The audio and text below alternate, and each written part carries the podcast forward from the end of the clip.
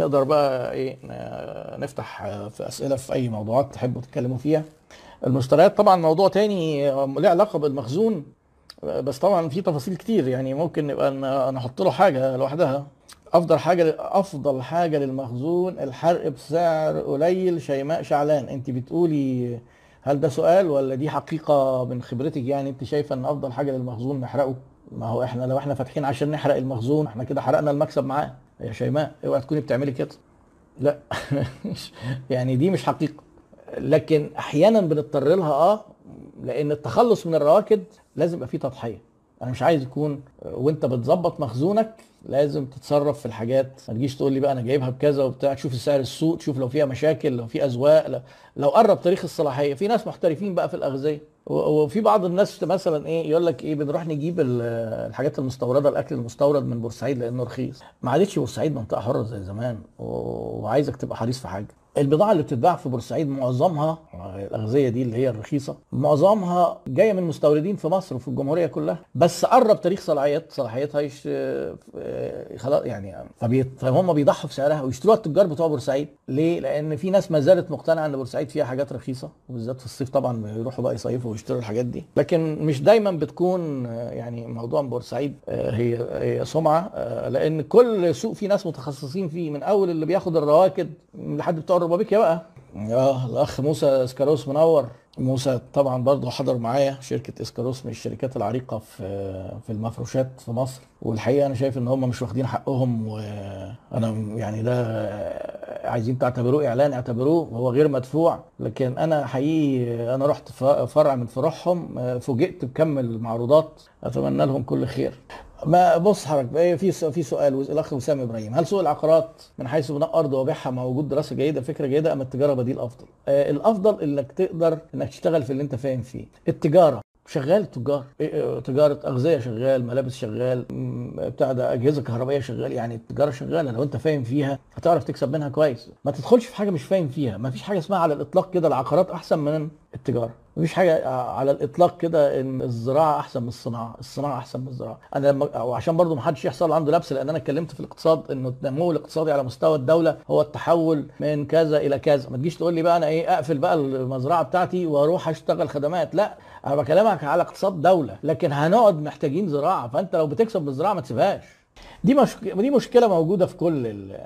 الأخ هاني محمد يقول لك عندنا مشكلة في صناعة الألوميتال بأن جميع الأنواع بالسوق مقلدة ومعيبة ولا نعرف ننافس بسعر الحاجة الأصلية وهذا يتطلب كذب على العميل. اوعى تكذب على العميل. هم المنافسين يكذبوا سيبهم يكذبوا ودي تبقى ميزة في صفك. انت بقى حضرتك تعمل إيه؟ تشوف شريحتك. يعني ما تجيش تقول لي إن كل الناس عايزين ياخدوا الحاجات المضروبة أو عشان عايزين أقل سعر. لا تجهز أنت معاك قطاع من الحاجات المضروبة دي وتجهز معاك قطاع من الحاجات الحقيقية وتبدأ تبين للناس أصل الموضوع فيه خامة والخامة أصل فيها وزن ونوعية الألمونيا وال الدهان والفينش وت- وتبدأ تحلل الكلام ده. ما تجيش تقول أصل دي آه، مقلدة ومعيبة بس آه، أنت لو بتبيع لي حاجة ما تجيش أقول لك انت طب انت غالي ليه؟ تقول لي اصل اللي بره مقلد ومعيب ومستنيني كده أنا اصدقك. لا ما انت لازم تثبت لي. لو اثبتت لي واقتنعت أنا بيك ووثقت فيك كشخص بقى دي جزء من مهارات البيع بن- بنقف عندها كتير جدا لما بنيجي ندرب البياعين. لو انت بتكلم شريحتك مظبوط ما فيش حاجة اسمها ما فيش حاجة بقى اسمها السعر غالي لأن في شريحتك هتيجي ليك لأن انت سعر غالي. آه. هي طبعا أقل في العدد. بس موجود وعددها كبير برضه. يعني حضرتك 1% من المصريين معاه 50% من ثروة مصر. آه، 1% اغلى 1% اغلى 1% دول كام؟ مليون بني آدم. ما تعرفش أنت تجيب من المليون دول مثلا 200 يعني 300 ما هو ما فيش حاجة اسمها السوق كله وك... أنت لازم تشوف شريحتك فين وتدور عليه اللي بيقف يبيع ساعة رولكس مثلا. بمليون جنيه. اللي يدخل يقول له والله ده إيه ده؟ بمليون جنيه؟ ده غاليه ده ال Seiko ب 3000 إيه؟ ما هو ده حضرتك مش زبونك بقى. ما أنت اللي بيقول لك Seiko ب 3000 يبقى أنت تضيع وقت معاه. ده غلط. دي Rolex بمليون جنيه. آه ممكن بقى يجي يقول لك Patek Philippe مع الماركات بقى الثانية اللي أنا ما بفهمش فيها قوي دي. يقول لك والله آه دي زي شبه ب 900 آه ماشي. من الك... آه ده نفس ال segment. لكن اللي يقول لك Citizen ب 500 و... ده مش زبونك. اعرف زبونك. Seiko بتبيع ولا مش بيبيع؟ بيبيعوا في مصر بيبيعوا الأخ محمود أنا حاسس إن هو بيك... آه بيكلم زكريا. يعني أنا قلت آه تعالى اشتغل معايا. كان يبقى لي الشرف طبعا يا أخ محمود بس أنا ما بفهمش في البيتزا. أنا ممكن أشتغل معاك ادوقها لك بس أنا هضطر أسافر اسكندرية. هيبقى تكلفة جامدة عليك. الأخ رضا دعبس بيقول إيه نبذة آه، نبذة عن القسط يا دكتور والمخاطر وكيفية مواجهتها. طيب أنت عشان تبيع بالقسط في نشاط يعني في في ناس فاتحين يبيعوا بالقسط. طبعا البيع بالقسط ده محتاج تمويل. لأن آه، لما أنت هتفتح في التسهيلات آه، شريحة العملاء اللي أنت هتستهدفها هتزيد هتكبر لأن الناس اللي نفسهم يشتروا الحاجة ممكن يبقى فيه آه، عائق إن هم يشتروها نقدي. لما تفتح التسهيل الشريحة تكبر شوية لأن هم يقدروا يدفعوا مبلغ شهري. يعني مثلا لو أي زي أي حاجة عربيات. تلاقي دلوقتي الستاندرد في العربيات كل المعارض كل الشركات مرتبة مع بنوك عشان العربيات بتتباع قسط. لو قالوا نقدي بس مبيعات العربيات هتنزل جدا. طيب لو أنت هتيجي تبيع بالتقسيط تبص على إيه بقى؟ المخاطر. الديون المعدومة يعني إن أنت يبقى عندك حاجات عايز المفروض عامل حسابك إن أنت هتكسب من الفلوس هتقسط للناس الحاجة اللي هي سعرها النقدي بسين هتاخد عليها مثلا 20% زيادة 30 حسب بقى الفترة وكده. فتفاجئ إن السين بال 20% راحت وما رجعتش خالص. وياما في طبعا إيه في مشاكل في الحتة دي.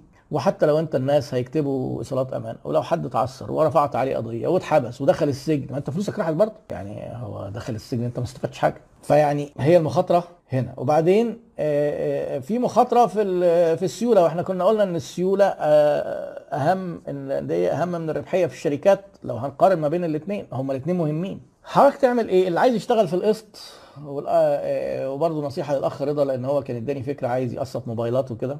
يعمل جدول كده. يعني تعمل جدول تقول أنا معايا فلوس كام هشغلها في القسط. لو أنت كان نشاطك أصلا مثلا بتبيع موبايلات نقدي وعايز تشغلها في القسط. وأنا افترض كده الحسبة بتاعتنا إن أنا هنحط خمسين ألف جنيه نقسط بيهم موبايلات. وهنقسط الموبايلات للناس مثلا هناخد النص والنص على ست شهور. النص والنص على ست شهور. طيب الحسبة دي جدول Excel أو تعمله بالورقة والقلم حتى. سهل قوي ال 50000 هتروح تشتري بيهم أنت نحسب كده على موبايل في المتوسط مثلا ثمنه 5000 جنيه. بيتباع ب 5000 أنت مثلا هتجيبه ب 4800 4700 وات وبعدين هتيجي تقول للناس الموبايل أبو خمسة ده أنا هبيعه لك بستة. هتدفع لي النص يعني ثلاثة والثلاثه على الس... على ست شهور يعني 500 في الشهر. هتيجي أنت تقوم عامل جدول بقى كده وتيجي تكتب إيه شهر واحد. انت متوقع بقى إيه شهر اثنين شهر ثلاثة وتفرض كده 12 شهر على الأقل. شهر واحد ده انت هت... هتمسك في إيدك السيل 50000 دول. هتروح تجيب 10 موبايلات. لو انت ليك موجود في حساباتك بقى إيه تعتمد ده forecasting كده إيه forecasting لل cash flow تنبؤ يعني. لو انت معتمد على ان انت في شريحة كبيرة والناس هتيجي وتضمن وتاخد ضماناتك هتفترض ان انت هتجيب ال10 موبايلات دول هتبيعهم في شهر. طيب انت هيحصل إيه كده معاك؟ الشهر ده انت هتحصل ال 50% اللي هم 3000 في 10 ب 30000 فانت خرجت من الشهر ب 30000 سيولة. دي مهمه دي حسبة بقى السيولة عشان انت تبقى عارف انت هتمشي إزاي. طيب الشهر اللي بعده العشرة دول في الشهر اللي بعده هيدفع لك كل واحد فيهم خمسة لو 500 لو التزموا يبقى انت هيجي لك 5000 جنيه. ما إحنا قلنا 500 في 6 مش كده؟ عشان برضه أنا ممكن بدي المثال وانسى الأرقام في النص. ف 500 في 10 هيجي لك 5000 جنيه. طيب أول شهر بقى معاك ثلاثة ثلاثة دول تقدر تشتري بيهم ست موبايلات تانيين وتشغلهم الشهر اللي بعده. طيب الشهر اللي بعده جالك خمسة وبقى في إيدك ست موبايلات فتقوم حاطط في البيع ست موبايلات. هيجي لك منهم كام؟ 3000 في 6 ب 18000 حطهم في الإيه؟ cash in ما انت بتقعد تعمل cash in و cash out وبعدين الستة دول هيبقى في عندك ستة بيقسطوا. بدل ما يبقى الشهر الثالث هيجي لك 10 اقساط لا هيبقوا 16 قسط في 5 8 بقوا 8 تقعد تحسب الحسبة دي لأن انت عند نقطة معينة هتبص تلاقي نفسك بدأ يجي لك دخل. تحافظ على إن الدايرة شغالة واحتمال عند نقطة معينة يحصل خنقة. لو انت مثلا جيت قلت لي إيه أنا هجيب الموبايل اللي ب 5000 ده وهقسطه على سنة بدون مقدم. دي بقى مشكلة كبيرة قوي في السيولة. ما هي بتفرق انت هتعمل حساباتك كام في المية مقدم والباقي قد إيه والباقي ده على قد إيه؟ فحاول انت لو هتبدأ في الموضوع ده كبداية يا أخ رضا قلل الفترة وشوف المنافسة لو كانت موجودة تسمح لك إنك أنت تزود الفرق المكسب شوية عشان تعمل حساب المخاطرة فتقلل الفترة وترفع نسبة المقدم وتعمل الجدول بتاع التدفقات النقدية عشان تشوف أنت هتبقى ماشي إزاي وهل هيبقى فيه خنقة ولا الأمور هتظبط. ممكن تبص تلاقي نفسك مثلا إيه تقول لي ده, ده أنا بعد ثلاث شهور أو بعد ست شهور لأن هيبقى أنت عندك مكسب. ممكن أنت بدل ما أنت أول شهر بعت 10 10 موبايلات مثلا مع التحصيل ممكن تلاقي بعد كده ال rate بقى بيزيد بقى 20 موبايل 22 25 والفلوس أنت قاعدة بتزيد. طبعا مع توقع إنك أنت آه، تعمل تحصيل مظبوط. فيعني أتمنى يكون الشرح اللي أنا بقوله ده واضح. المفروض إن هو يترسم كده على ال board أو نفتح Excel ونعمله مع بعضينا بس طبعا دي إمكانية مش موجودة للأسف يعني. آه، الأخ ليس زماني. طيب هو الشغل في القسط بالعملة المحلية آمن في حالات التوقع الكبير لحدوث تضخم يا دكتور. طبعا آه لو أنت متوقع مثلا آه، لو لو حصل إن أنت عملت قسط زي كده وبعدين الحاجة زادت هيبقى في مشكلة إن أنت لما تروح تجيب البضاعة هتجيبها أغلى. فلو حصلت دي في النص هتعمل لك هتعمل لك مشكلة. التضخم ده متغير ما بيبقاش سهل التنبؤ بيه 100% يعني إنه بالذات نسب التضخم القفزات العالية دي. هي الأمور بقى لها فتره إلى حد ما مستقرة بعد قفزة أواخر 2016 بتاعه التعويم. لكن في تضخم نسبة عالية نسبيا عن السنين اللي فاتت بسبب ارتفاع الطاقة التدريجي اللي بيحصل سواء الكهرباء أو البنزين أو غيره. آه، لكن اللي بيقسط في الحالات اللي زي دي بتلاقي بيتكلم آه، بيتكلم في نسب أعلى. يعني أنا فاكر حتى الأخ رضا قال لي نسبة كانت بالنسبة لي صادمة شوية إن إن بياخدوا نسبة نسبة عالية. أنا مش فاكر الأرقام يعني لكن نسبة عالية آه، عالية جدا. أنا فاكر حسبتها له إن الفلوس تكسب 300% في السنة لأن أنت لما بتاخد النص أنت الحقيقي إن أنت بقيت على الناس نص المبلغ بس. لما تيجي تقول لهم الموبايل أبو خمسة بسته وتاخد ثلاثة أنت كده الاثنين اللي باقيين من الخمسة اللي هو سعر النقدي الاثنين دول أنت حصلتهم ثلاثة فرق الألف ده فرق الألف بالنسبة للألفين 50% وال 50% دول اكشولي أنت ما بتاخدهمش بعد ست شهور ما أنت بتبدأ تاخد من أول شهر. فلما تيجي تحسب ال 50% دول هتلاقيهم حوالي 90% مش عايز ألخبطكم بالحسابات لأن دي حسبة معقدة وحتى ناس من بتوع البنوك بيتوهوا فيها. يعني لازم تأمن نفسك المهم وخلاص.